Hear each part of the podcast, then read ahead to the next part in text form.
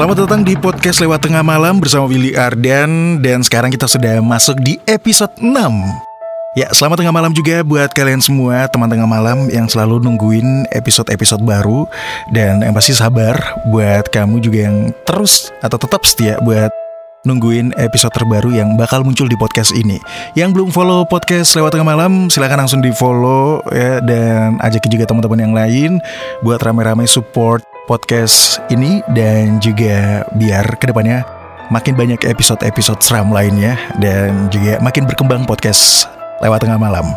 Nah malam hari ini aku tertarik banget buat ngangkat satu profesi yang gak semua orang berani untuk menerima profesi atau ngejalanin profesi ini ya dan ya, aku bilang sih ini termasuk profesi yang unik, serem juga, butuh nyali juga. Kamu ingin tahu profesi apa itu? Profesi perias jenazah. Nah lo, berani nggak buat kamu nih teman tengah malam kalau ditawarin gaji sekian buat ngerias jenazah? Belum tentu ya. Ini memang kembali lagi ke kita siap atau enggaknya dan juga biasanya ini sih bentuk pelayanan ya uh, dari seseorang yang memang benar-benar berani untuk uh, memberikan servis dalam artian merias jenazah. Kalau MUA ya makeup artis yang ngerias uh, wajah-wajah para artis mungkin atau uh, orang pada umumnya. Tapi kalau perias jenazah ini akan berbeda ceritanya. Nah, buat kamu yang udah kepo banget pengen tahu cerita dari Gloria Elsa si perias jenazah, sama-sama kita dengarkan episode ke-6 ini. Tapi sekali lagi buat yang belum pernah kirim cerita sama sekali atau mau ceritanya muncul di podcast ini, bisa lihat langsung di bio dari podcast Selalu Tengah Malam. Di situ ada email dan juga ada Instagram yang bisa kamu kirim cerita kamu email aja ke willyardan13@gmail.com atau DM Instagram Willy Ardan W I L L Y Ardan biasa ya. Langsung aja kamu kirim cerita kamu atau kasih saran atau ide cerita apa yang mau diangkat di podcast lewat tengah malam di next episode. Langsung aja kita simak kisah atau pengalaman dari Gloria Elsa, si prias jenazah.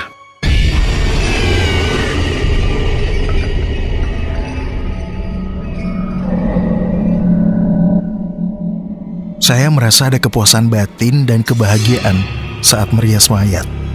Pekerjaan yang belum tentu semua orang mau lakukan. Saya Gloria Elsa. Profesi saya perias jenazah. Begitu kata Gloria Elsa Hutasoid yang menekuni profesi merias jenazah sejak 2017. Profesi yang dia geluti mungkin tidak pernah didambakan atau diimpikan oleh orang kebanyakan.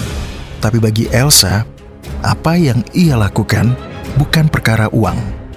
Dia menganggap perias jenazah adalah panggilan hidup. Elsa aktif merias mereka yang sudah berpulang. Elsa punya alasan mengapa ia menggratiskan jasa merias jenazah. Kalau orang Kristen meninggal dunia, membutuhkan banyak biaya. Dari membeli peti mati, bunga, gaun atau jas, dan peti mahal harganya belum tanahnya dan biaya ambulans dan biaya lain-lain. Menurut Elsa, tarif jasa perias jenazah termurah itu sekitar 800 ribu. Biaya tersebut, kata Elsa tentu akan menjadi beban bagi keluarga yang tengah dirundung duka. Apalagi buat orang yang tidak mampu. Elsa mengatakan seorang perias jenazah harus paham setelah meninggal berapa jam jenazah harus dirias. Bila wafat lebih dari dua jam, kulit jenazah akan dingin dan bedak sangat sulit untuk bisa menempel. Jadi jauh lebih sulit daripada merias jenazah yang wajahnya hancur ataupun pengalaman memilukan saat Elsa pernah merias seseorang yang tewas bunuh diri. Kasus bunuh diri kerap dirahasiakan. Ya, karena dinilai keluarga memalukan. Aib buat keluarga.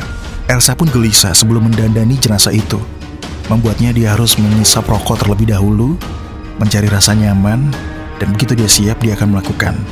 Seperti ada sesuatu yang disembunyikan, aura depresi, ada perasaan perih, apalagi kesulitan untuk merias orang yang mati gantung diri karena lidahnya menjulur keluar. Itu pengakuan Gloria Elsa. Bagi sebagian orang merias jenazah merupakan pekerjaan yang sangat menyeramkan. Ya, nggak bisa dibayangkan betapa takutnya perasaan ketika melakukan hal itu. Bahkan menyentuh si mayat atau jenazah pastinya bikin orang yang melakukan akan merasakan perasaan yang sangat takut.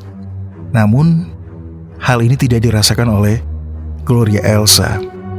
Sebenarnya perasaan takut itu tetap ada, tapi Gloria punya cara sendiri untuk menyiasati rasa takutnya. Gloria menyiasati perasaan takutnya dengan cara mengajak berdialog dengan jenazah yang dia rias. Selama menjalani profesinya sebagai perias jenazah, Gloria mengaku sering banget didatangi arwah jenazah yang diriasnya. Dengan cara yang berbeda-beda. Biasanya mereka mendatangi Gloria lewat mimpi. Gloria sendiri menganggap arwah-arwah ini ingin mengucapkan terima kasih kepadanya. Ada cerita menarik ketika Gloria merias jenazah yang meninggal diduga karena santet. Ia menamai jenazah tersebut dengan nama Angela. Awalnya Gloria berpikir kalau Angela meninggal dunia karena menderita kanker di usianya yang masih sangat muda. Angela adalah sosok anak 18 tahun yang manis terlihat. Ia tipikal anak baik. Pada saat ketemu Angela, posisinya meringkuk kesakitan dengan kondisi perut membesar. Saya pikir pertama kena cancer. Tapi ternyata dokter di situ bilang nggak ada cancer. Dia itu ada cairan dalam perutnya. Sebentar lagi mau dia operasi. Tapi takdir berkata lain. Akhirnya Angela meninggal. Selama merias jenazah Angela, banyak kejadian mistis yang dialami oleh Gloria. Gangguan-gangguan mulai bermunculan. Misalnya saja, benda-benda yang berada di sekitarnya bergerak dengan sendirinya. Ketika ia mengajak jasad Angela berbicara, akhirnya ayah dari Angela berkata kepada Gloria bahwa Angela meninggal karena disantet. Menurut ayahnya, sebelum mengembuskan nafas terakhirnya, Angela sempat mengaum seperti harimau. Saya pun segera memegang tangan Angela. Saya mengajak dia berbicara. Angela, permisi. Saya Gloria.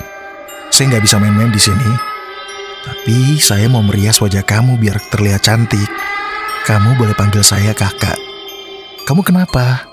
Sambil terus merias wajah Angela, tiba-tiba semua barang-barang di situ bergerak, seperti ada yang menggerakkan. Ditambah lagi, suasana di dalam ruangan itu terasa mencekam.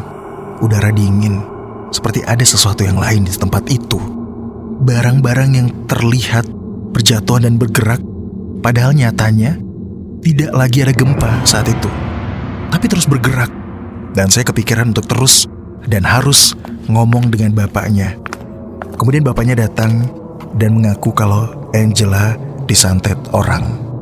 Memang sih, ayah dari Angela ini adalah orang kaya raya.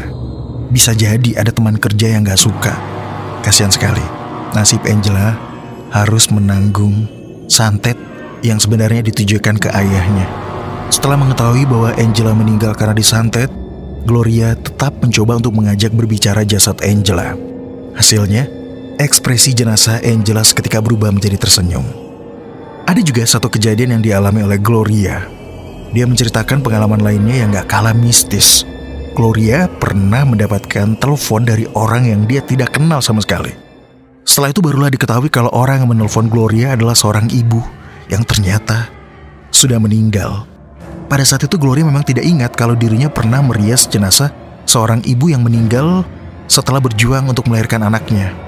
Nah, ketika Gloria ditelepon sama orang yang meninggal, ibu itu terdengar suaranya menangis terus-terusan. Dan akhirnya saya tahu siapa ibu yang menelpon saya malam itu.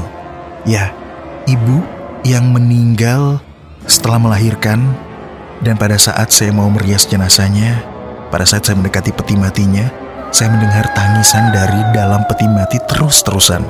Dan saya menunggu sampai tangisan itu hilang atau lenyap. Kemudian saya melanjutkan untuk merias wajah si ibu.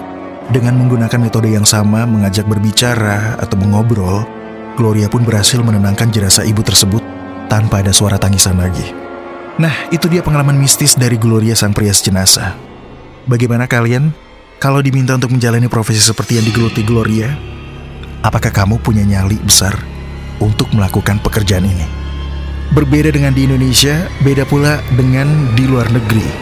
Di Amerika Serikat, seorang pria jenazah kadang bisa mendapatkan kesempatan mencapai 477 juta dalam melakukan riasan. Tapi tidak semua seperti itu. Ada yang dibayar per jam. Dalam satu jam misalnya, seorang prias bisa dibayar hingga 200 ribu rupiah hanya untuk merias jenazah. Ya, mungkin profesi prias jenazah ini kelihatannya seram tapi ternyata setimpal dengan bayarannya. Memang butuh mental dan keterampilan merias yang lumayan jika ingin menekuni profesi ini. Oleh sebab itu bukanlah hal yang aneh jika mereka dibayar dengan gaji yang luar biasa. Sebelum memulai membersihkan tubuh jenazah, biasanya ada ritual kecil yang dilakukan oleh si perias jenazah, yaitu mengajak bicara si jenazah. Tujuannya adalah untuk meminta izin agar sang jenazah juga bisa diajak bekerja sama. Misalnya saat menghadapi jenazah yang tubuhnya telah kaku, mulut menganga, atau mata terbuka. Biasanya, saya akan mengajaknya berkomunikasi. Pak, Bu, mohon izin, saya mau bersihin badannya. Ayo lemes-lemes badannya. Lemes bener ya. Anehnya setelah diajak berdialog, biasanya si jenazah makin mudah untuk di upin atau dipakaikan jas atau baju. Masih banyak pengalaman-pengalaman ganjil yang dialami oleh para profesi perias jenazah. Berurusan dengan orang meninggal bukan berarti tidak pernah mengalami hal-hal ganjil. Bahkan sering bertemu dengan bayangan hitam yang seperti keluar dari tubuh jenazah yang baru diletakkan. Kejadian-kejadian seperti itu menjadi hal yang biasa, bahkan tidak membuat para perias jenazah jadi takut karena niatnya baik untuk membantu orang yang meninggal.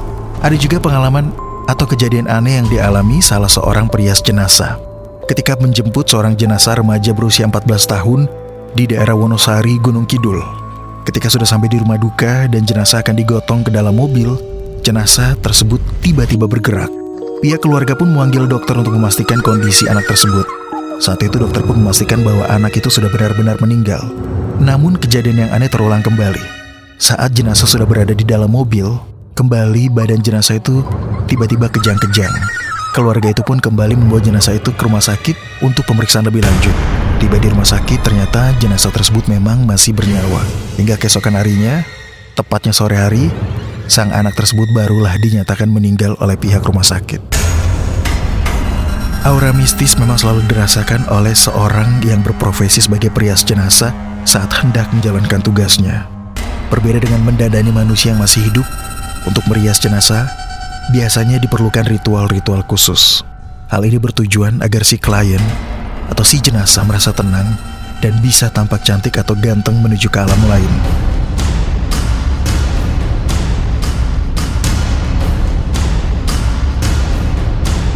Ya itu dia teman tengah malam episode ke-6 Gloria si Prias Jenazah. Semoga juga yang sudah mendengarkan bisa terhibur juga ya dan menunggu lagi untuk next episode yang bakal siap tayang. Nantikan kembali episode berikutnya hanya di podcast Lewat Tengah Malam.